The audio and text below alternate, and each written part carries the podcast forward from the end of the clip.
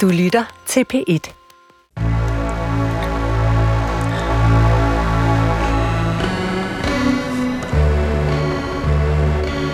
Du har ringet til Hemmeligheder på P1. Tak for din hemmelighed. Vi lover at passe godt på den. Mit barn er grimt. Jeg elsker hende, men jeg er bange for, at andre ikke kan. Okay. Fik du den? Mit barn er grimt. Nej. Jo. Jo. Jeg, Altså ikke dit. Nej, ikke mit. Jeg elsker hende, men jeg er bange for, at andre ikke kan. Det fik jeg. Det er, det, øh, ja. Jamen, jeg skal selv, jeg, jeg, jeg ved, jeg har selv været et grimt barn. Er det rigtigt? Ja, og det tror man... Altså objektivt set, det tror du, jeg at er man løgn, vil definere dig når som man et... ser mig i dag. Ja, det Men tror ja, man. Ja. Jeg havde svært at forestille stort, sig. Meget stort hoved, meget lille krop. Lignede en, der havde vand i hovedet, da jeg startede skolen. Vejede 24 kilo. Og øh, havde hår op på toppen. Hvordan var jeg det? fået slået to fortænder ud i en Altså- tidlig alder.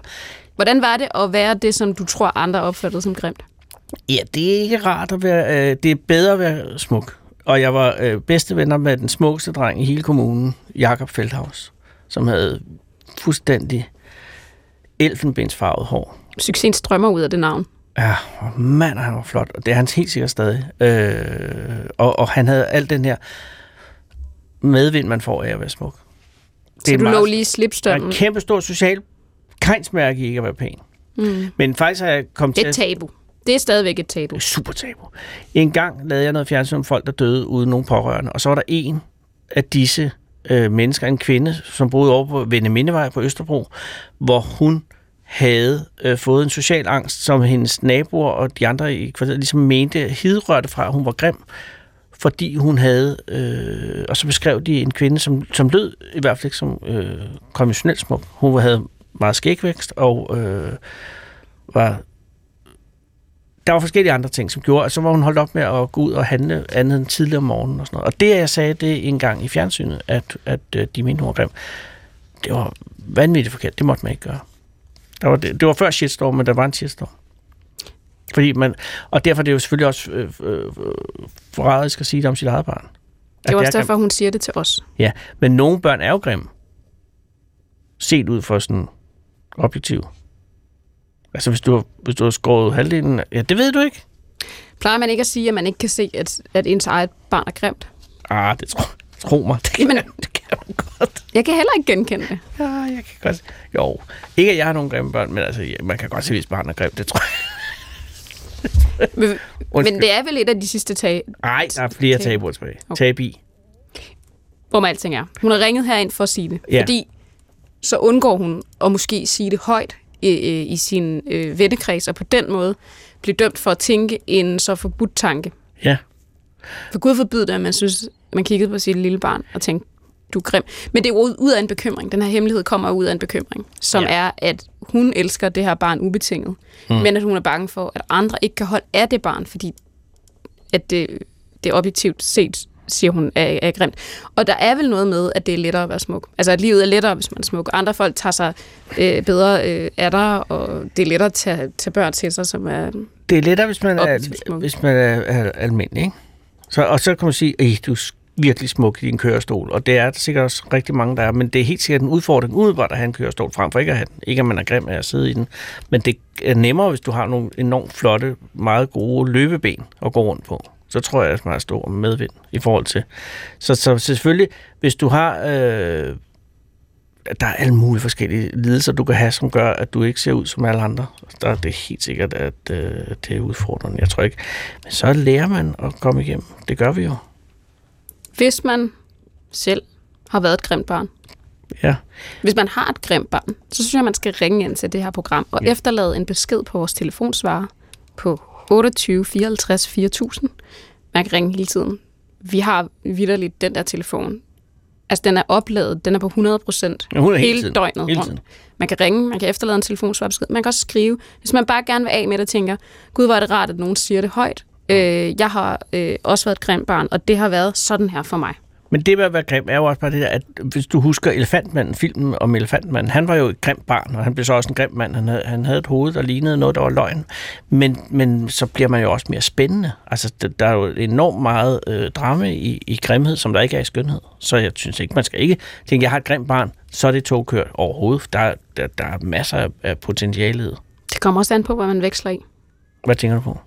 Jeg tænker, øh, hvis man gerne vil have et spændende liv, hvis man gerne vil have et let liv. Ah ja, Jeg tror, at det, der ligger i det her, det er jo også, at man ønsker så let et liv for sine børn som muligt. ja. Så jeg tror, at den bekymring kommer ud af, at det eneste, man ønsker for sit barn, det er, at de skal have et dejligt let liv. Jamen, jeg vil gerne have et smukt barn, øh, som er et geni, og som også øh, aldrig har en sygdom.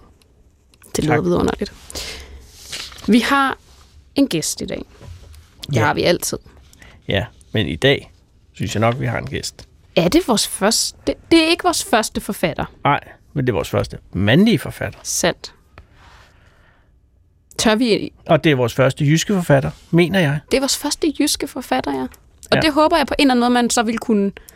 At den analyse, forfatteren har af hemmelighederne, at man måske kan høre, at der er noget, øh, Mm-hmm. noget jysk.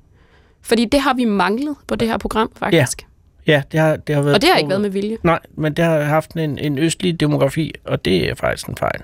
En kæmpe fejl. Så Fordi velkommen til Hele Danmarks Radio. forfatter Thomas Korsgaard. Tak. Ja. Sikkert et pres. Nej, det er ikke noget pres, fordi du er øh, præsenteret som jyderforfatter, og det er du. Og det er jo ret beset ikke nogen hemmelighed. Nej, det er rigtigt. Øh, og når man har lavet en trilogi, så er man, øh, så er man fuldtonet forfatter. Men, men inden, jeg mener, når man, efter toeren, så, så hænger den stadig lidt og tænker, nå, kommer den. Men det gjorde den jo. Men tror du ikke også, der er noget om øh, øh, demografi og hemmeligheder? Tror du, der ligger øh, noget... Oh. Altså, hemmelighederne er konstante. Jeg tror, at de findes i, i Vejle, som de findes i Vium. Men mm. det kan være, der ligger noget i, i din, dit analyseapparat, som måske er jysk. Mm. Altså, jeg tænker, at øh, normerne er forskellige, om man bor et en storby, eller om man bor et lille bitte sted, hvor alle kender hinanden. Mm. Det kunne vi jo høre dengang. Øh, du refererer til et tidligere program, vi har lavet her på Hemmeligheder Pipet, hvor øh, kvinden ringede ind, øh, der havde slået sin mand ihjel, som ikke var hemmeligheden, men hemmeligheden var, at hun ikke havde fortalt det til nogen i den, nu kalder det en by, det ved jeg ikke, det hedder, øh, det hedder måske mere en landsby. Mm. Øh, der var ikke sagt det til nogen. Der boede 2.000. Og der er der måske noget i det der med hemmeligheder, fordi Mm. det er en meget, meget, meget lille landsby, 2.000. Ja. Og jeg er helt overbevist om, hvis jeg havde slået min mand ihjel, så ville jeg ikke flytte til en lille by, hvis jeg ville holde det hemmeligt. Så ville jeg flytte til en stor by. Du vil flytte til den største by. En stor Og hvad- øh, fuckerby. Ja, for der kan man være helt sammen ja. alene Man kan i med folk. drøbe ned mellem stregerne på en anden måde. Men der er jo også gigantiske hemmeligheder i de små byer. Ikke bare hende, der har slået sin mand ihjel, og ikke har sagt det, men også andre. Og det ved du. Nå ja, men det er bare... Nå, det ved Thomas. Det ved jeg, Thomas ved, men, men Thomas, de, de er jo ikke, det er jo ikke fordi, de er hemmeligheder. Folk Godt, men- kender hinanden, men hvor meget kender de egentlig Ja. til hinanden, når det kommer om stykket, ikke? Mm-hmm. Og der skal ikke mere end fire hus ved siden af hinanden, før så er der i hvert fald fire hemmeligheder, som ikke er sagt. Det er det. Og så er der også det, som jeg i hvert fald genkender fra små byer. Mm. Og det er, at man lader som om, at man lader hinanden være. Men man snager helt sindssygt. Det gør man. Man holder øje med hinanden Det gør man nemlig. Mm. Over hækken, du, over hækken. Anders. Og bliver, Jamen, kirke, det ved jeg ikke. og bliver, øh, bliver gravstederne passet, som de de det? skal, og hvor var din bil forleden dag, og hvorfor handler du ikke hos købmanden? Øh, hvorfor kører du til Bilka i Viborg i stedet for at støtte det lokale? Øh, hvad er det, du skal i Viborg? Har du en affære i Viborg? Jeg har garanteret den affære i Viborg. Den og slags. også sådan noget... De har vist fået en ny bil. Mm. Mm. Dem har det har vist fået en ny bil. Har de vundet i lotto? Uh, det er jo den store hemmelighed i en lille by, Ja, og der er rigtig mange lotto-millionærer derude. som ikke siger det. Ja, men altså, der bliver jo lavet en om ugen i hvert fald. Men det er jo også klart, det er farligt at vinde i lotto på den måde. Jo, ikke? Nå, hvis der har været lotto i 20 år, så har vi vel omkring øh, 1000 lotto-millionærer et eller andet sted. Og de er øh, i små byer, det kan jeg love dig. Og der gælder om at holde lav profil. Hvis du har vundet en million eller 10, så gælder om ikke at bruge dem. Det var også det, der undrede mig med Britas øh, datter der. Øh, Brita, som nu er dømt i den store svend. At, at datteren kun købte en andelslejlighed. Det synes jeg var meget beskedent. Ja. Men det er smart. Det er skide smart. Det er skide smart. Og Stein, Apropos, apropos Bri- Brita og hemmeligheder, så bemærkede jeg den detalje, at da hun blev anholdt i Sydafrika, og man så billederne fra den der lejlighed, så står der ved siden af alle bunkerne med, med pengesedler, og, øh, så står der et stort Pringles-rør, og øh, der har hun gemt sin, øh, sin kreditkort. Mm. Det synes jeg var et godt gemmested. det er et godt lifehack til, hvis du skal gemme øh, kreditkort. Ja. Et pringelsrør, Ja, det, det var hendes punkt. Åh, det, er, det er koldt. Det er sådan noget, en forfatter ser. Jamen, det er bare, det er fordi pringelsrør er faktisk skide almindeligt, fordi de har Ja. det der, mm. der har metallåg øh, bunden, ikke? og så har den det der plastiklåg, som ja. Ja. kan lukkes utallige gange, fordi den Og har kort en metalring. Og kort lyder ligesom sådan, at der er lidt chips, Ja, ja, når det præcis. rasler lidt, ikke? Fuck, det er godt tænkt. Jamen, ja. Jeg vil gerne... Vi skal lige spille en hemmelighed mere. ja. Fordi det her, det er jo et program om hemmeligheder. Og man kan ringe ind, man kan skrive ind, intet for stort, intet for småt. Det har vi sagt flere gange, men det mener jeg virkelig. Det ja. er jo ikke sådan noget med, at man kun skal ringe ind og sige, jeg har slået min mand ihjel, jeg er blevet misbrugt som barn. Man kan ringe ind med hvad som helst. Det kan være stort og småt. Og det her, det er faktisk et godt eksempel på. Nå, jeg kan sige, sidste uge havde vi jo en hemmelighed fra øh, Pia Kjærsgaard som gæst, at hendes hemmelighed var, at hun ikke øh, havde sko på, når hun sad øh, ved Folketingets øh, formands stol. Ja. Og det, Det, er det jo... vidste du ikke om hende. Nej, Det er sjovt. Men nu kan du ikke se andet end, at Pia... Du ser Pia, Ja. og fra brystet op, der er hun Pia. men, Men fra... Ja, hun, Altså- altså, er, hun, er op, hun er formandspiger for brystet op, ikke? Og, Ja. ja. og for, for, for brystet ned, der er hun privatpiger. Ja. Og privatpiger har Ej, ikke det er sko. godt. Ja, Jeg det- elsker, hun har fortalt det. Ja, og hun fik øh, kolde fødder, men det er så fordi skoen var af bagefter, og var, var i tvivl om, hvorvidt at det kunne, om hun skulle have sagt det simpelthen. Fordi det er embedet. Og har meget respekt for embedet. Ja, det må man sige. Ja. Men det var aldrig bare tær. Det Nå, var det var- bare sokker. Altså, Ja. soks, Thomas, det må du forstå. sokkes ikke, der er ikke fem små cocktailpølser. Nej, Det der er der er strømper på. Præcis. Okay. Gør det en forskel for dig? Nej, det ved jeg ikke. Jeg synes, jeg, jeg synes det er så dejligt at have bare tag, øh, helt Ja. ja. bare tag, så jeg synes, at hun skal da bare af med de sokker også. Det kommer ikke til at ske. Nej, det kan jeg forstå. Men det er et godt eksempel på, at en tilsyneladende meget, meget lille hemmelighed kan være stor for den enkelte. Og det er derfor, man skal ringe ind. Mm. Fordi, og, det, og jeg kan høre, I gør det. Og jeg kan faktisk høre, I ringer meget ofte sådan noget om, om aftenen. Ja. Og det kan jeg godt forstå, fordi om aftenen, der er sluserne åbne. Altså, der er det sådan, vores altså, øh, de følelsesmæssige sluser. Vores sluser er altid åbne. Men de følelsesmæssige sluser, der, der er kortere ind til folk. Og I ja. Ja. ringer, og I er på cyklen, for jeg kan høre det, fordi jeg kan høre det på åndedræt. Og, så, øh, ja, og det er dejligt, fordi mm. Det kan være lidt svært for os at høre, hvad I siger, men det gør ikke noget. Fordi I er på vej et sted hen, mm. eller på vej et sted fra, eller Fra, hen, sikkert. eller fra, eller ud. Og det er godt, fordi det er der, man skal ringe. Det er måske også tit der, man lige er alene, hvis man har familie og børn, mm. og der altid er nogen i det hus, man bor i, så må man lige gøre det i de der huller, hvor man er ude og gå en tur med citationstegn. Ja, Thomas sidder og laver citationstegn, og det er jo rigtigt det der med, nu, nu, går jeg en tur. Og, hvor, og det har jeg også tit tænkt på det der med, hvornår man sidst gået ud af døren, og ikke sagt, hvor man gik hen. Ikke? Altså, hvornår går du... Altså, det skal man gøre noget mere. Ja. Ikke? Bare gå. Og så komme tilbage, når man kommer tilbage. Ja. Det er altid noget med, jeg skal, i- men nogle gange skal man bare gå ud. Men du har lige ved at sige noget. Alt det her førte et stykke Nå, var... øh, øh, I skal ringe ind. Og det, jeg kan høre, I gør det. Det var bare det, der var pointen. Jeg kan høre, I ringer, når I er på vej steder fra, hen, Ah. ud, ind, hjem. 28, cyklen. 54, 4000. Ja. Den er også åben nu. Og så er den nu. Ring. Øhm, vi tager lige en af de hemmeligheder, Men som jeg talte om. inden den hemmelighed kommer, mm. skal vi jo bare huske lige at minde om, at Thomas, du er jo med her, fordi du kommer med en hemmelighed. Mm-hmm. Og fordi, at, øh, at du har indvildet i at fortælle den hemmelighed siden. Hvilken genre er den? Og det er den lette genre. Åh, oh, men lidt for Det dig sagde måske. Pia også. Ja. men det var ikke nok. Øh, Det sagde hun ah, også. men det er nok lidt derhen af, ikke? Øhm, Ja, ja, men det, Men der er der- det er godt, og også som forfatter forstår du også at undersælge ting. Det er også vigtigt. Mm-hmm. Jeg tænker bare, er det, ikke, er, er det ikke et problem for dig som forfatter, at du giver den fra dig? Fordi så har du jo ikke den til senere. på en måde er det. Altså- fordi jeg risikerer, at der er noget, der går i smadder, når jeg fortæller den. Mm. Som, øh, men så må det ske. Jamen, det er Og det det kan jeg ved du forklare. ikke Jeg har, jeg har sikret mig nogle ting, som, som gør, at øh, skulle det gå i smadder, så øh, jamen det, det giver mening, når jeg det. fortæller det. Ja. sindssygt interesseret allerede nu. Ja, det er jeg også. Men, men, men med hemmelighed er jo på sin vis din kapital også. Jo, altså, når du, altså, hvis du i hvert fald skriver delvis selvbiografiske ting, så, så, hver gang du ligesom giver os en hemmelighed, så kan du ikke bruge den i en roman, jo. Så kan der ikke være en. Det er ikke noget Tule over. jo. Jo. Altså, jeg har faktisk historier fra det virkelige liv, som jeg har fortalt til venner og bekendte, som jeg bruger i mine romaner, men så sker der jo det, når man skriver, at så, så må det indgå i den konstruktion på en måde, så det bliver noget andet, og må modelleres lidt om for at kunne passe ind i den fortælling. Eller, nogle gange kan det også godt bare smyge sig ind, ligesom det hmm. skete. Det er meget forskelligt, men, øh, men der, for mig er der stor forskel på virkelighed og, og romaner. Endnu. Endnu. Endnu.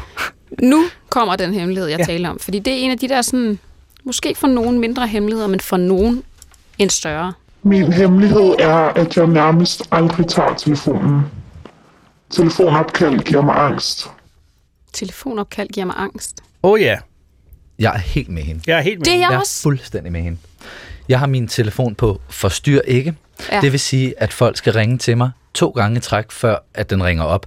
Men det betyder, men derudover, så har jeg så også gjort sådan, at numre, jeg ikke har kodet ind, de kommer slet ikke derigennem, selv hvis de ringer op to gange i træk. Og så har jeg ingen telefonsvarer.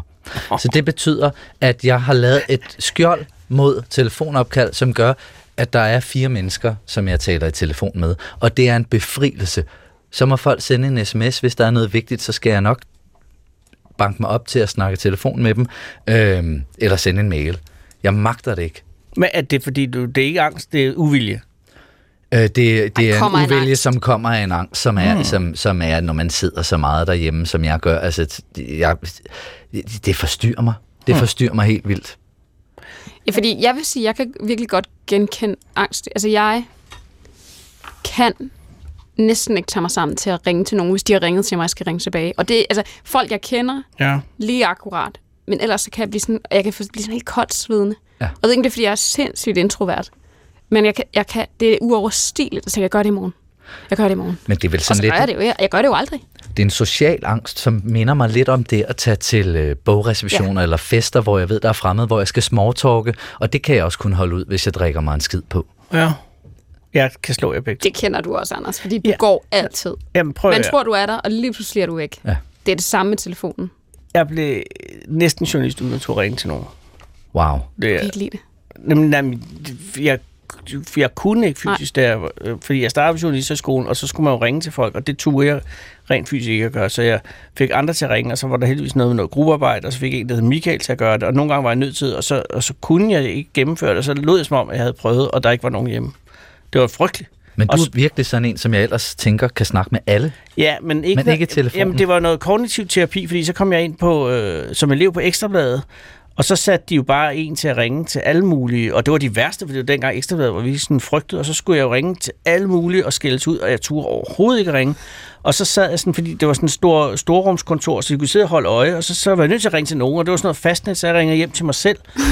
øh, og så, så, så, jeg kunne sige, at der var ikke nogen hjemme, præcis. Der er ikke nogen, der svarer, og så ringede jeg ud af huset og bad om mit eget nummer, så jeg kunne sige, nu er der optaget. Det var så åndssvagt.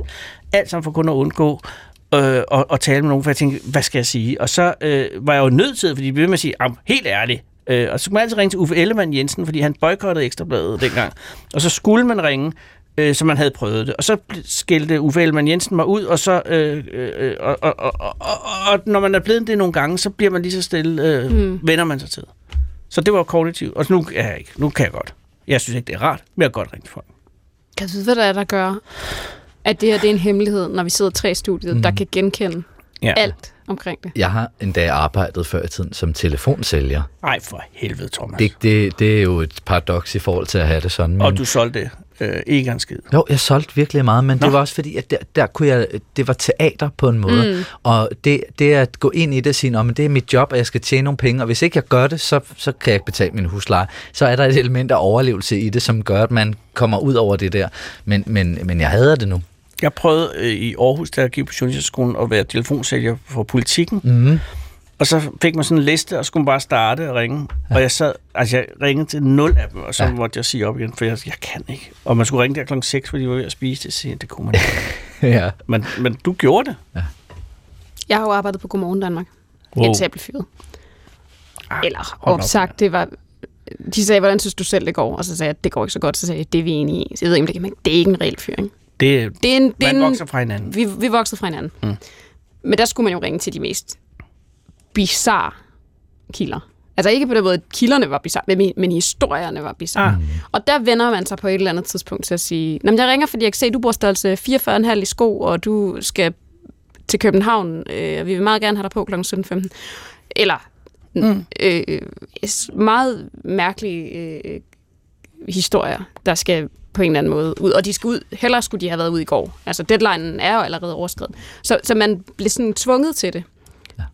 Men der tror jeg, jeg havde det lidt ligesom øh, dig som telefonsælgeren. Det var som om, det ikke var mig, Ja. der ringede. Og det kunne jeg på en eller anden... Der var en distance. Ja. Øh, for eksempel så skulle jeg ringe en op og spørge, om man kunne lave koldskål på grill. Ja. øh, og jeg kendte lidt godt svaret. Øh, men jeg gjorde det, Ja. fordi det føltes som øh, Mm. meget stort teaterstykke. Svaret, svaret er nej. Hvis nogen tænker, ja, det kan det. nej, det kan det ikke. så er det en anden ret. Men for at sige, jeg ja. kender alt til den her hemmelighed, og det er en af de hemmeligheder, hvor jeg tænker, kunne man have tænkt, ah, skal jeg ringe ind med den? Ja, det skal du. Mm-hmm. Fordi det kan være, at vi i samfundet nu, hvor vi sidder tre mennesker og kan genkende, kan blive enige om, at vi ikke skal ringe så meget til hinanden.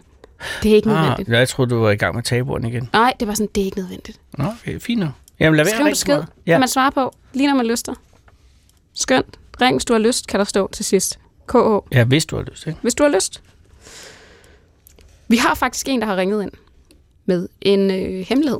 Åh. Jeg kender faktisk ikke karakteren den hemmelighed, men det gør ikke så meget. Nogle gange skal man også overraskes. Ja. Øhm, så jeg tror egentlig bare, jeg vil sige øh, velkommen til Mikkel. Ja, goddag. Goddag. Åh, oh, goddag, Mikkel. altså, jeg ved jo ikke, det her det kan jo blive en dreng eller en pige. Jeg, jeg ved ikke, hvilken retning vi skal i nu, Mikkel. Nej, men det er også, det er, det er også frygteligt, fordi kan, altså, jeg har haft en morder og alt muligt. Det kan Ja. jeg altså ikke hamle op med. Men det skal Ah. du. Det, Det skal du det er heller. vand under broen. Men til gengæld, så er det sådan en slags karaktermord på den danske folkesjæl. Åh. Og det er vel også... Åh oh, nej. Det vil vi gerne. Jo, Sig, Ja, det ikke det involverer mit guitar. hjerte. Det er ikke noget med guitar. det er ikke noget med Gita, nej. Det, men det er værre endnu. Ah, Jo, jo. Jo, Fortæl. Jamen, Okay. og mit hjerte, det banker lige nu, fordi det handler simpelthen om, at jeg har snydt øh, den elskelige og dejlige Jytte Abildstrøm, som vandet. Hun er folkekær Ja. jo. ja, hun er... Hun er ikke bare folkekær. Hun er jo folk eje. simpelthen- Der er dronning Margrethe, og så er der Jytte Abildstrøm, Ja. ikke? Det er sandt. Har du... Jeg tror lige, vi- at du har snydt Jytte Jeg Abelsen. snydte hende. Ja, men, og det var ikke sådan med... Lad os sige... Med, det var med vilje, ikke også? Men Ja. det var ikke rigtigt. Det var, Det ikke var med jeg ville. vilje, men det var ikke med, med vilje. Mm-hmm. Nej, jeg ville jo ikke. Men Ah. jeg kom til det. Okay, men, men altså, skal vi langt tilbage, Mikkel? Ja, vi skal rigtig langt tilbage. Og det glæder mig, fordi så er tiden dog ledet nogen sår. Er det, var det en form Ja, det for... Var det, var det noget økonomisk transaktion, eller hvad, er vi ude i? Mm, altså, øh, jeg må hellere fortælle historien. Ja, okay. Okay, jeg gik i gymnasiet nede i Åben Rå. Ja, Øh, det er nede i Sønderjylland. ja. Og øh, der havde vi en udvekslingsstudent, som hed Mike. Og han var fra New Zealand. Ja. Og, og det er jo sejt i sig selv, når man bor dernede. Ja. Men hvad der var sejere nu, det var, at han kendte også nogle andre fra New Zealand i København. Og de var piger. Så der blev vi nødt til at tage derover og se til dem. God idé. Det, øh, det skal man bare. Ja. Og så skulle man også ind på strøget, fordi det er meget fint. Det skulle man kommer også, ja. derfra. Ja, ja, Ja. for Åben Rå, ja. 100 procent. Ja. Kender jeg også godt. Mm. Det gør du Ja. også, Thomas. Mm. Strøget. Ja. Jo, jo. Ja.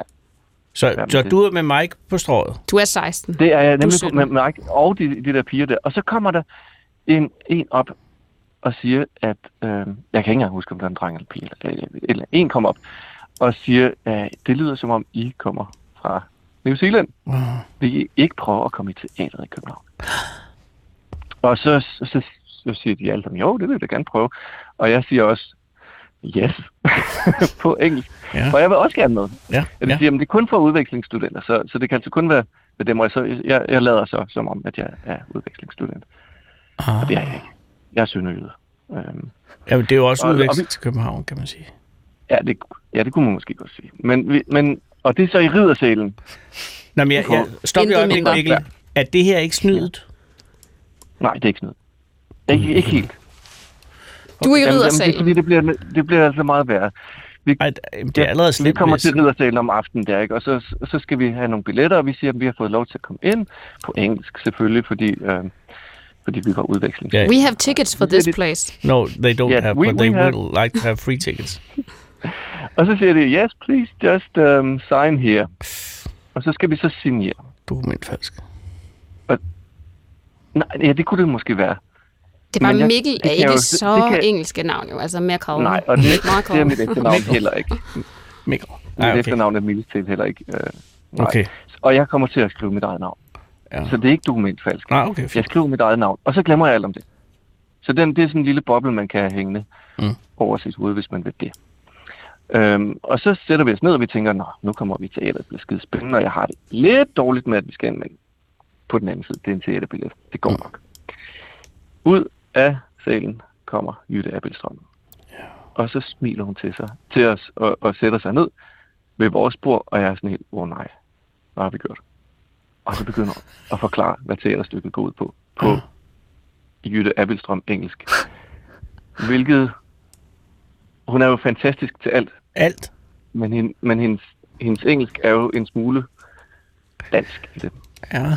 Øhm, og jeg befinder mig i den særlige situation, at jeg kan forstå alt, hvad hun siger. Og det kan engel, eller New Zealand, øh, New Zealand altså ikke. Så jeg må sidde og oversætte alt, og hun bliver vanvittigt glad for, at jeg kan dansk så godt, at jeg kan oversætte det hele. Ja, du taler faktisk virkelig godt dansk, forstår jeg. Mikkel, det skal du Ja, jeg taler lige pludselig meget godt dansk, men ikke desto mindre så oversætter jeg alt på engelsk, og, og, og jeg sidder der, nej, nej, nej, nej, nej, jeg kan ikke, det er frygteligt det her, men samtidig vil jeg virkelig gerne ind og se det teaterstykke. Jeg ved godt, jeg sidder og snyder Jytte Abildstrøm her, og jeg, jeg aner ikke, hvad jeg skal gøre mig selv, men jeg sidder og oversætter og prøver at gøre det så godt som muligt. Mm. Og hun fortæller, og hun tager sig så go- godt af os og giver os kaffe og det hele, og er skidesød. Mm. Og jeg siger til hende, at jeg hedder Jeremy Kramer. og det er altså min gode ven fra Oregon. Og det, jeg hedder ikke Jeremy Kramer for fanden, jeg hedder Mikkel, men jeg kan ikke sige... Jeg, jeg Ja, kan det er ikke et godt navn at hive ud af er røven. Det er det altså. Ja, så jeg hedder Jeremy Kramer, og det er simpelthen løgn. Er Jeg, jeg sidder og lyver Jeremy overfor Kramer. det er Abelstrøm. Og så er det jo frygteligt i sig selv. Men så Jamen, jeg, vi ind- Det bliver ikke jeg, værre, jeg formoder, at det ikke bliver værre nu. Jo, jo, det bliver meget værd. Fordi så kommer vi ind, og det er premieren på det her, og hun stiller sig op foran helt publikum, og der er og TV2 sidder og filmer, og øh, jeg ved ikke hvad, alt muligt. Og så, så, så siger hun så, uh, and tonight is not just the premiere. We also have a special visitor from the United States Nej, of nej. America. Det er Jeremy. Og så siger hun, Mr. Jeremy Kramer, og så kommer der spotlys ned på mig. Mm. Og så skal jeg rejse mig op, mm. og så begynder alle folk at klappe, og der bliver filmet, Nej, Det, er ikke- og jeg kan slet ikke være i mig selv. nej. det kan jeg godt. Jeg kan heller ikke Og være i dig nu. Det er du så heller ikke. Du er inde i er Jeremy Kramer. Ja, det er inde i Jeremy Kramer. Og, og jeg har det så skidt der, og vi ser et teaterstykke, men jeg kan nærmest ikke koncentrere mig. Det er virkelig godt teaterstykke. Jeg elsker jo alt, hvad hun laver. Men jeg, det, man, åh, jeg er jo en imposter, eller hvad det hedder. Jeg er jo en charlatan her. Men jeg formoder, det Og bliver så- ikke værre nu. Jo, jo, jo, fordi så er teaterstykket endelig slut. Mm. Og jeg prøver bare at skynde mig ud og væk fra det her frygtelige noget. Og så bliver vi fanget udenfor. Og så siger jeg, nej, nej, nej, I skal overhovedet ikke afsted. Og så tænker jeg, ja, jeg er blevet fanget. afsted." Ja. Nej, vi skal med til efterfest Ja, Mm-hmm. med alle skuespillerne. og det skal Og- Jeremy. Det skal Jeremy nemlig. Og han er bare så god til at tale dansk, så jeg kan bare oversætte for alle. Nej. Og det, det bliver frygteligere og frygteligere, og det ender altså med, øhm, skuespillere, Anders, du er jo sådan lidt sådan en, ikke også? Jo. Ja, Det kunne du det ikke kan godt gjort, ende det med, her. Ah. Jeg er ikke Så god skuespiller er ikke så god der. men det kan jo godt ende med nogle lidt vilde efterfester med øh, nøgendans og Det kender du. jeg ved ikke hvad. Altså, Ja, i riddersalen, det Ja. tror jeg på. ja. Og det skal vi være med til, og hele tiden skal jeg være Jeremy, og vi får ikke lov til at gå, og vi skal drikke øl med dem, og vi skal ryge, og vi skal, jeg ved ikke hvad. Åh, oh, nej.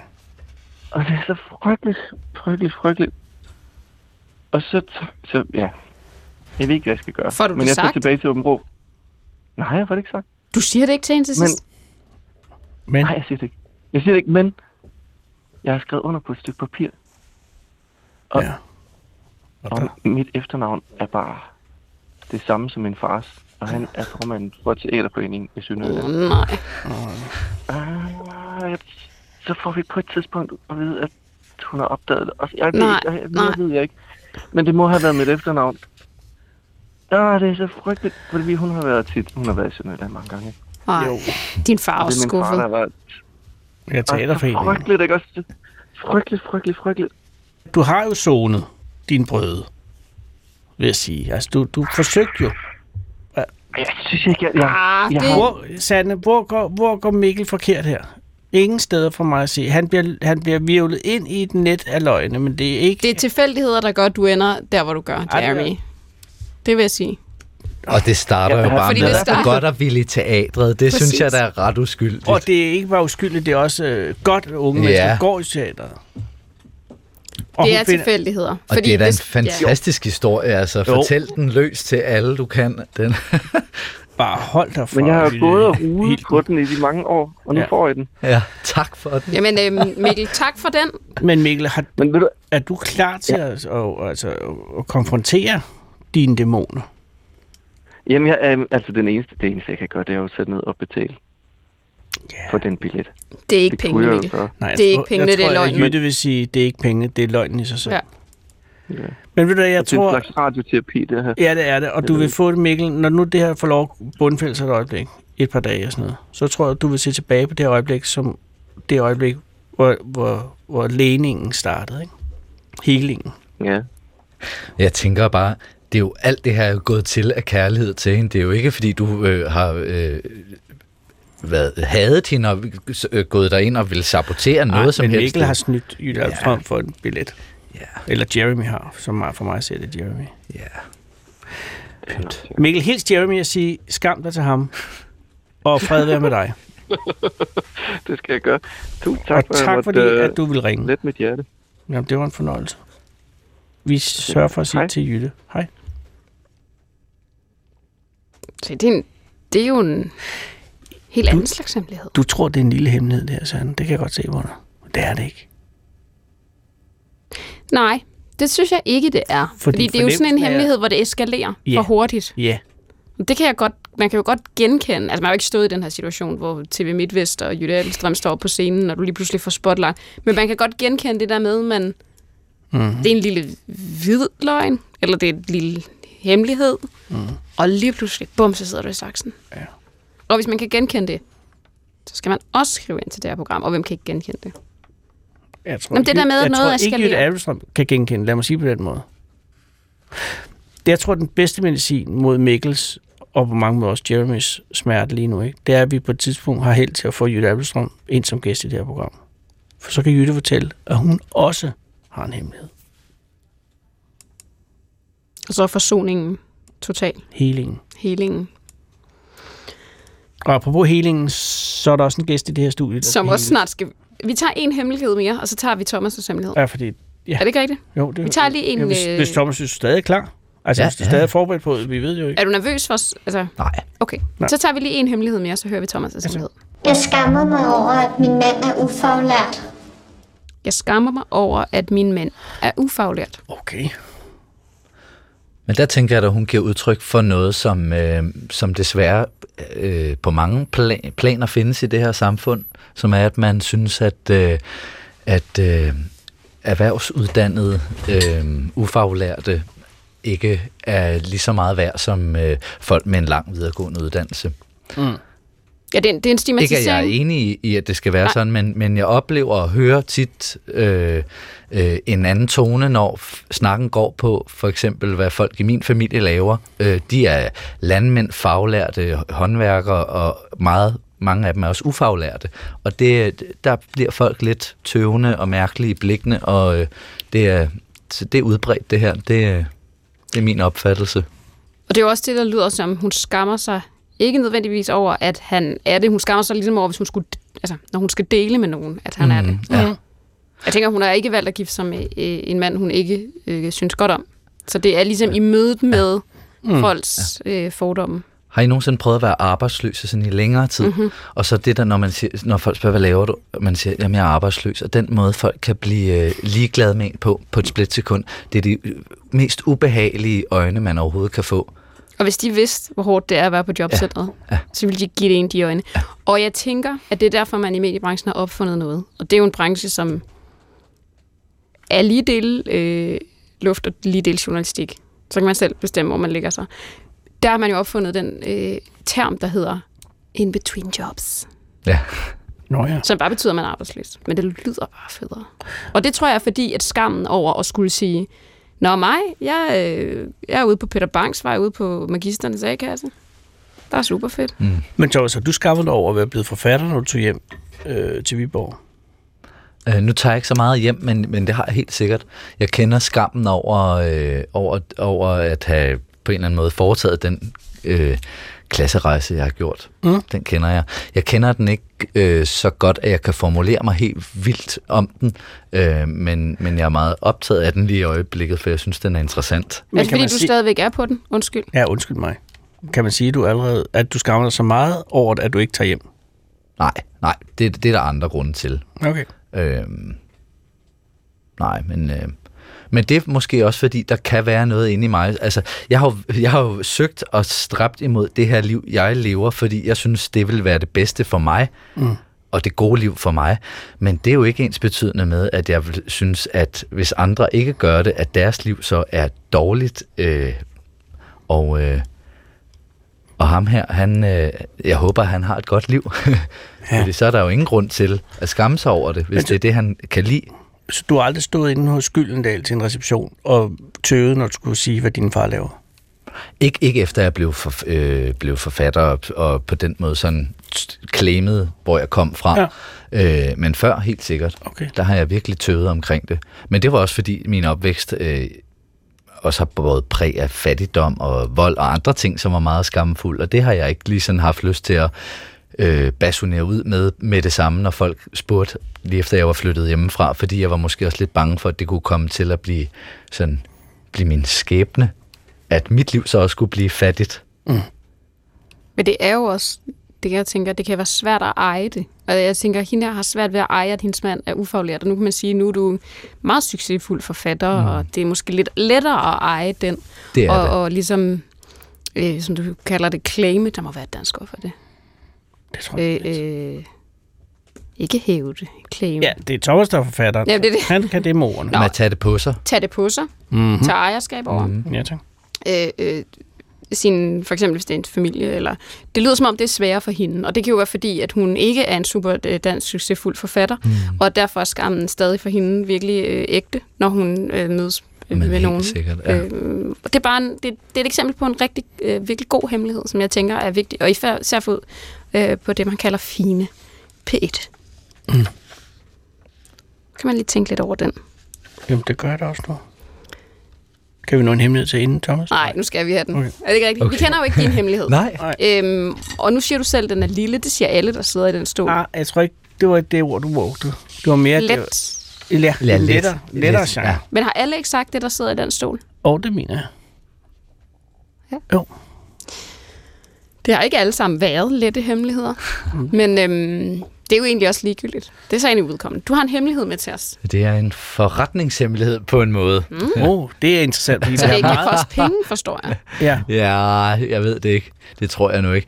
Men øh, min hemmelighed er, at jeg... Øh, faktisk siden jeg var lille, har jeg altid elsket lidt ala, ala ham øh, Mikkel, der ringede ind og var Jeremy.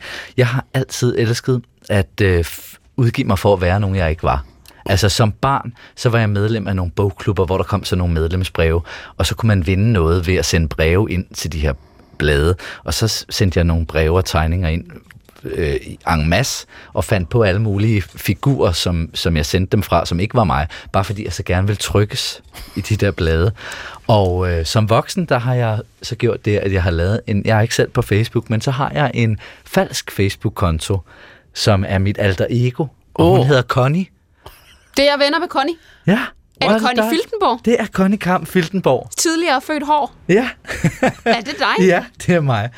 Og jeg... Øh, Er du Connie Filtenborg? Mm. Det er sgu da et potent hemmelighed. Jeg ved ikke, hvem Connie Filtenborg er. Det, men der se- er mange af mine hende. venner, der er venner med Connie. Ja, men hun, hun har faktisk fået rigtig mange venner efterhånden. Hvor mange Hun venner har Connie efterhånden? Jeg ved det er ikke 500 eller sådan noget, Ja, men, men det, det er en ting i... Altså, det, du ligger jo... Det er jo... det er en anden stemme, det, det er ikke mig. mening. Nej, det er jo det sådan er en, dig. det er mig. Nå. Og hun, hun staver som høre. en brækket arm og bor, Ja. øh, bor på 11. sal i et, et højhus i Hanstholm, og der er jo ingen højhus i Hanstholm, det er jo en, det er jo en fiktion. Ja. Men jeg ser det nærmest som sådan en, øh, en øh, fortløbende roman om den her person, som jeg skriver på løbende. Men det Så kan være, at det ryger nu, af? fordi at man må jo ikke have falske profiler, så det kan være, at hun bliver slettet nu. Så der er den risiko jo i at fortælle om det. Men jeg har, øh, jeg har sakset alle opdateringerne ind i et Word-dokument. Det fylder 400 sider. Det var Det- det, der var din øh, forberedelse til hemmelighed. Det kan jeg da godt forstå. Ja, selvfølgelig. Fordi du prøver jo ting af. Altså, fordi man kan jo... Altså, nu kender jeg ret mange, der er venner med Connie, mm. åbenbart. Hvad gør Connie? Fortæl Jamen, om Connie laver opdateringer, øh, som er sådan nogle...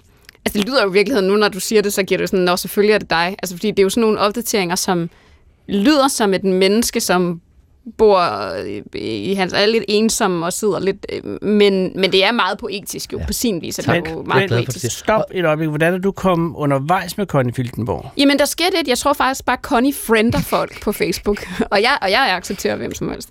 Så, Og så er jeg blevet venner Connie, med Connie. Så Connie, nu taler jeg til dig, Connie. Du har været inde og, og, og anmodet om, om Sandes venskab. Ja. Det er eddermame interessant, det her. Det er en god hemmelighed. Men jeg må lige sige det med Connie, det er, at hun...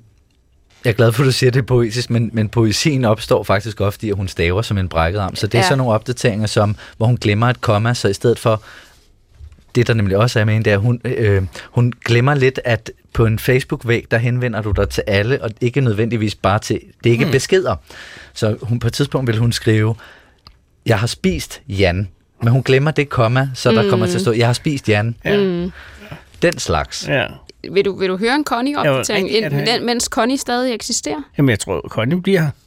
Ja, jeg har ikke været meget online, da der har været en del, men det angår ikke andre. Men jeg har blandt andet fået en hamster. Kim er blevet gift. Det startede i skole igen. Vi kom af med de forpulede bind, haft håndværker til at se på badeværelset, fået en ny blandingsbatteri. Så det er jo ok. Jeg skal ned i- Nordvangscenteret i dag til frokost og spise med mere på en ny Café Vivaldi, så vi må se, om det ellers er god mad, eller så får, vi, så får de en røden anmeldelse af mor her på deres side. Har set de anden steg. Det går man jo aldrig galt i byen. Nej, jeg skal spise en, der hedder skal spise en, der hedder Svend Aage. Han har lavet gadeteater i gågaden, da der var night by night. Hold kæft, jeg grinte. Så jeg inviterede ham ud bagefter, og ja, så gik det slag i slag. Kan I nu have en god fredag, kære Facebook-venner? Jeg vil ud og nyde livet, og ikke bare tosse rundt herinde på det her lort. Det er en klassisk Connie-opdatering. Mm. Åh, oh, det er godt. Det er, Det er godt, sjovt. Connie. Hey, Jeg er faktisk oprigtigt den hemmelighed, at jeg er rigtig glad for, fordi jeg har tænkt, jeg har flere, ting, jeg har flere gange tænkt, det er for godt til at være sandt. Altså det, det er sådan socialrealistisk på sådan en måde, hvor man tænker, det må være konstrueret. Og så kunne jeg se, at alle, jeg kendte, like. Jeg tænker, hvem kan, hvem kan alle sammen kende Connie fra Hanstholm, der har meget, meget tvivlsom Men det sjove for mig ved det har også været, at sådan gennem de år, jeg har haft hende indtil videre, der er der bygget sig et univers op, hvor det sted, hun bor, hedder Nordvangsparken. Så er der Nordvangscentret, som ligger klodser op af. Så øh, har hun været kærester med en, der hedder Jan. Øh, det gik så ikke så godt. Han røg ud. Så flyttede der en ny nabo ind, som hed Jurin, som er en øh, juletræssælger.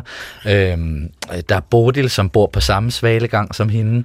Øh, der er Desiree, som er hendes barnebarn. Som, øh, og så er der Kim selvfølgelig, hendes Kim er blevet søn. gift. Kim er blevet gift igen, ikke? og han har en lidt kriminel løbebane, han har været ude på. Så det, er blevet, det bygger sig op langsomt, stille og roligt til at være et, et helt univers, som jeg hygger mig med, og som jeg bruger til øh, som en lille ventil.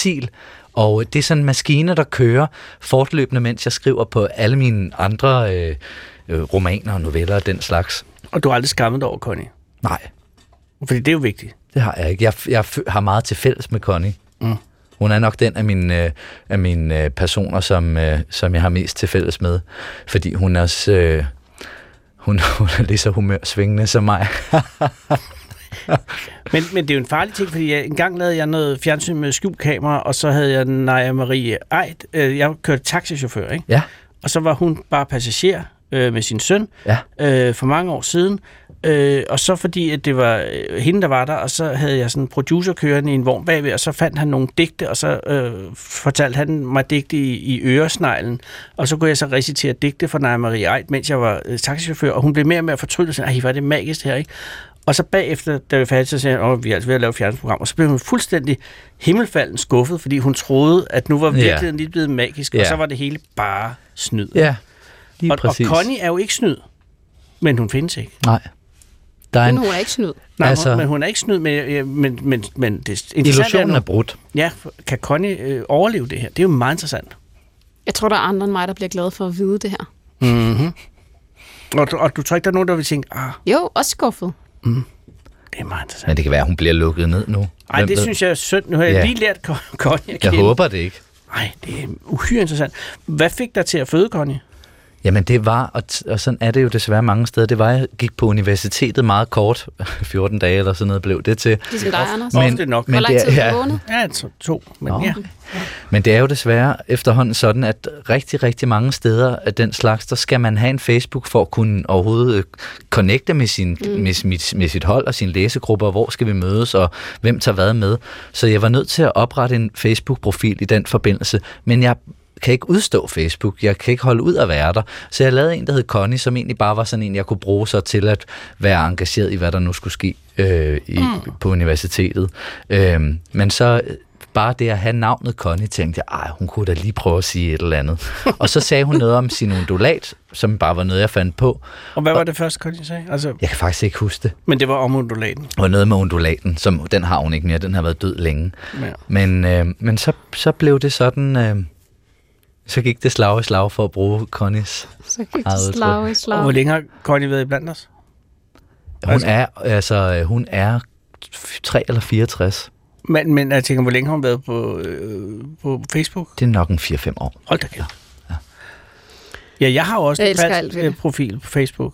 Nå, Men jeg kan ikke komme ind i den, for jeg har glemt passwordet. hvad hedder den? Tom Top. Tommy Top? Nej, bare Tom Top. Tom Top? Men det nytter ikke, når jeg kan Jeg har også en på Instagram. Jeg kan ikke sige, hvad den hedder. Jamen, jeg kan ikke sige, hvad den hedder. Det, det, Åh, det vil koste mig for meget. Nej. Jeg kan sige, hvad den hed. Ja, Jeg skifter navn. hvad hed den? Hulfisk. Gør den ikke mere. Vi skal lige have en... Øh, jeg, jeg vil så gerne nå øh, de her to hemmeligheder. Ja, kom med dem. Øhm, Men jeg, jeg synes, det her super... Altså, A1-hemmelighed. Thomas. Jeg vil også sige Ej, det er det. AA1 plus hemmelighed. A1 plus. Det findes ikke. Jamen, det, det er top notch. Lad os lige tage en... Øh, Jamen, det er det, fordi det, det er en hemmelighed. Du risikerer noget med den hemmelighed. Ja, Nå, men det er godt. Connie risikerer noget med den Det er hemmelighed. godt. Og, og, og, på, og den er utrolig flot som forestillelse på Mikkel Jeremy. Ja, hemmelighed, det ikke? tænkte jeg også, Ja. da jeg hørte det. at det. Der var noget, der talte sammen der. Jeg tror også, Mikkel får noget ud af at høre den historie. Mm. Og giver Jeremy en chance til. Bare på Facebook. Ja, præcis. Vi tager lige en hemmelighed mere. Jeg er blevet voldtaget af min hjembys udskammede homo. Jeg var og er så pinlig over det, at jeg aldrig har meldt det til politiet. Jeg har stadig ikke fortalt, hvem der voldtog mig til nogen. Heller ikke min psykolog. Okay. Mm-hmm. Så kommer vi ned på jorden igen. Puh, Som blev voldtaget af sin bys udskilte homo. Det ved jeg faktisk ikke helt, hvad det betyder. Der er i hvert fald fire eller tre oplysninger i den sætning, som er overraskende. Altså, Lad os lige prøve at høre den igen. Jeg er blevet voldtaget af min hjembys udskammede homo. Jeg var og er så pinlig over det, at jeg aldrig har meldt det til politiet. Jeg har stadig ikke fortalt, hvem der voldtog mig til nogen. Heller ikke min psykolog. wow. Udskammet. en udskammet, udskammet. hjembys udskammede homo. Det er en meget stærk sætning, fordi Ja. ja. øh, der ligger så mange informationer og mellemregninger, vi slet ikke øh, har. Ja. Og det er det, jeg godt kan lide ved, at folk efterlader hemmeligheder på vores telefon. Det er, det er helt ud af kontekst. Eller vi har ingen, vi, vi, vi ved ikke noget om det her. Nej. Udover at øh, der er en, der er blevet voldtaget, og det er en forfærdelig hemmelighed at bære rundt på. Jeg er ærgerlig, at man ikke øh, deler det med psykolog, hvis man har en psykolog. Ja. Jo. Det er jo oplagt selvfølgelig, men det er selvfølgelig nemt at sige, svært at gøre. Ja, og det er også det der med at anmelde. Det er, jo, det er svært at anmelde, og det er svært at anmelde voldtægter. Ja, og det er blevet lidt lettere, men det var i hvert fald svært, og det, har, det er stadigvæk svært. Og det, man kan stadig nå at sige det til en psykolog. Ja, det håber jeg godt nok, hun vil gøre. Ja. Ej, sikkert noget. Ja. Vi tager lige en aller sidste hemmelighed. Jeg har en hemmelighed, og det er, at jeg prioriterer Tinder dates langt højere end mine veninder. Jeg, pri- jeg prioriterer Tinder-dates langt højere end mine veninder. Det synes jeg er nok. Jeg synes, det, her, det er en ung hemmelighed, tror jeg. Det er en meget ung hemmelighed. Øhm, Thomas? Om det er en ung hemmelighed? Ja, det er en ung hemmelighed. Mm, måske. Altså, det kan da også bare være, at det er en, som bare er... Det, det er jo... Jeg kan på en måde godt forstå det. Jeg kan også godt At forstå. have sådan en fase ud og have det sjovt og opleve og swipe lidt i virkeligheden også. Og veninder, de bliver, de kommer igen og sådan noget. ja, måske. Man skal jo det bare... skal gør de ikke. Ja, så fred med det. Ej, Det er egentlig sjovt, at det er en hemmelighed. Altså, hvad er hemmeligheden i det? Fordi Jamen, jeg det er jo- tænker også... Det er vel, at hun, det er vel, at hun øh, venner altså nogle, man skal stå til rådighed Ja. ja. over for nogle gange. Ja. Ikke? Og, så, og, og, og, og hjælpe med at overfor. flytte og, og, Og alt så- det der. Ikke? ja, Og nogle gange har man lyst alt til bare at, at have noget øh, sjov. Eller ja, ja. uforpligtende. ja, Man skal tage den, når de ringer. Ja, lige præcis. Ikke? ja. Ja. Nå, men, men, men det er en hemmelighed for hende, og det vil sige, at hun har jo et problem med, at hun synes, at de andre skulle tro noget andet om hende, end hun selv gør. Og derfor er det godt lige at sige. De synes nok, hun prioriterer. Forkert. Ja, det kan være. Eller det kan også bare være, at hun er bange for, at de synes, hun prioriterer forkert. Men hvad hvis man bare sagde det? Altså nu sa- sagde på, at jeg ved det godt. Jeg prioriterer øh, lige Ej, i... kan du ikke sige. Det er svært at sige. sige man jeg, ikke? jeg synes faktisk, at det er vigtigt at se på den her skærm og tale med dig. Det er ligesom, altså, den er jo hård, ikke? Den, den, der er mange, der ikke vil kunne Ja. tage det. Der sidder Øh, vi som mænd og siger, at det kan godt være svært. Det er fordi, vi nogle gange i det her program taler om, at nogle hemmeligheder skal man bare sige højt. Altså lige sige sådan, det er lige en fase, jeg er i. Ja. Altså, den- jeg kender det på en mærkelig måde fra, øh, at, at nogle gange kan jeg sidde med nogle venner, og så øh, kan jeg f- få lyst til at arbejde eller blive grebet på et eller andet, og så, så går jeg, og det, det kan jeg ikke altid, altså det, jeg har det meget dårligt med at sige, nu går jeg hjem, fordi jeg skal arbejde, finder altid på et eller andet, Nå, men jeg, jeg må lige, og jeg blev afbrudt, eller der, der sker lige noget, eller, Hvad er din bedste undskyldning? jamen så, Den skal han ikke sige her. Nå, nej. nej, det er måske faktisk rigtigt. Tag den næstbedste. Så jeg, siger jeg, simpelthen, jeg er lidt død, jeg er simpelthen for træt. Lidt Og så, Jeg så sætter jeg mig hjem, og så er jeg pivhammerne frisk, fordi jeg skal arbejde. Men de venner, som jeg har, som, som er forfatter, de forstår det altid, at man, godt, at man har noget, der er vigtigere. Og øh, det er jo måske lidt det, der ligger i det her, at hun, at, at hun ikke skammer sig over for vennerne, det er, at der ligger det i det, at hun ved, at de ikke er vigtigere end Tinder. Ja. Og det vil hun ikke sige til dem. Og det, Men i nogle perioder mm. i ens liv, så er Tinder jo altså vigtigt. Og i ja. nogle andre perioder af ens liv, så er venner vigtigt, ja. tænker jeg. Jeg tænker, du har ret. Vi når desværre ikke flere hemmeligheder. I kan ringe ind altid. Skriv ind, ring ind. Læg alle jeres hemmeligheder øh, øh, frem på bordet eller ind på telefonsvaren på 28 54 øh, 4000. Vi skal sige farvel til øh, Thomas. Thomas, tak. Nej, Tak. oprigtigt. Tak. Ja, oprigtigt tak, og tak vil jeg også sige til Connie. Tak for at Gud spille. ja, det koster også Connie noget. ja. Ikke? Det Connie er den, der har Det er nok mest den. Connie. skrevet den største veksel ud her i dag. Det er jo det der med, altså, alt har en pris, og det fås ikke billigere. Og det har Connie. Det må Connie betale i dag. Men jeg tror, Connie kommer over også det. Det kommer til at gå slag i slag. Hun genopstår på Twitter, så. Thomas, tak. Tak fordi jeg måtte være med. Det var 14 år siden i dag. Om morgenen den 7. oktober 2007 lagde Pekka Erik Afvinen sit manifest på nettet, og ordene var Menneskeheden har længe været i forfald. Tilbagestående og dumme, svage mennesker formerer sig oftere og hurtigere intelligente, stærke mennesker. Den moderne menneskerace har ikke blot forrådt sine forfædre, men også de kommende generationer. Homo sapiens har snarere homo idioticus. Når jeg observerer mennesker, som jeg ser hver dag i samfundet, i skolen og overalt, så kan jeg ikke sige, at jeg tilhører samme art som denne usle, hårdmodige og selviske menneskerace. Nej, jeg er et udviklet et trin højere. Og således fortsat det sætning efter sætning drøbende af had til de mennesker, Pekka Erik afskyede så forbløffende intenst, fordi de snyltede på jorden i stedet for at leve med den, og fordi de var så mange og så dumme og så forbandet skidtvægtige. Mennesker er blot en art blandt dyrene, og jorden eksisterer ikke for menneskenes skyld, skrev Pekka Erik. Død og drab er ingen tragedie. Det sker hele tiden i naturen og blandt alle dyrearter. Alle menneskeliv er ikke værd at leve eller at redde. Kun de stærke, intelligente, selvbevidste, viljefaste individer bør overleve, og de svage, dumme, tilbagestående, vege bør dø. Det meste af dette ævl havde Pekka Erik for økofascisten, fiskeren og filosofen Pentti Linkula, som var en ting i Finland, ligesom tyttebær og flåter med borrelia og alt for lange, snorlige veje gennem grænskovene. Og Linkula havde gennem et langt liv prædiket, at menneskene skulle skamme sig, at vi var blevet for mange, for dumsmart og for dominerende, og at vi skulle blive meget færre og meget mere stille. Vi skulle forlade husene, flytte ud af byerne og tilbage i det hul, vi var kravlet ud af, for vi var ikke andet end afskum. Vi var iler på ryggen af en allerede udsuget planet, og vi var alt, alt for mange, og nogen burde gøre noget. Og måske havde Pekka Erik bare for god tid til at tænke over Linkolas biocentriske empirisme i stedet for at kysse piger og køre rally, for da han var 18 år, var han klar til at gøre noget. Og den 17. eller slutter den 7. oktober 2007 gjorde Eka Peri, Pekka Erik Afvind virkelig noget. Præcis kl. 11.40 åbnede han glasdøren og trådte ind på Jokela-skolen i Tusby i det sydlige Finland. Og to minutter senere, kl. 11.42, stødte han på en dreng, der stod lidt nede af en gang. Og det var ikke en dreng, Pekka Erik kendte, men det var en menneskedreng, og derfor skulle han dø. Og Pekka Erik løftede sin kaliber 22 Sig Sauer Mosquito og skød menneskedrengen lige i hovedet.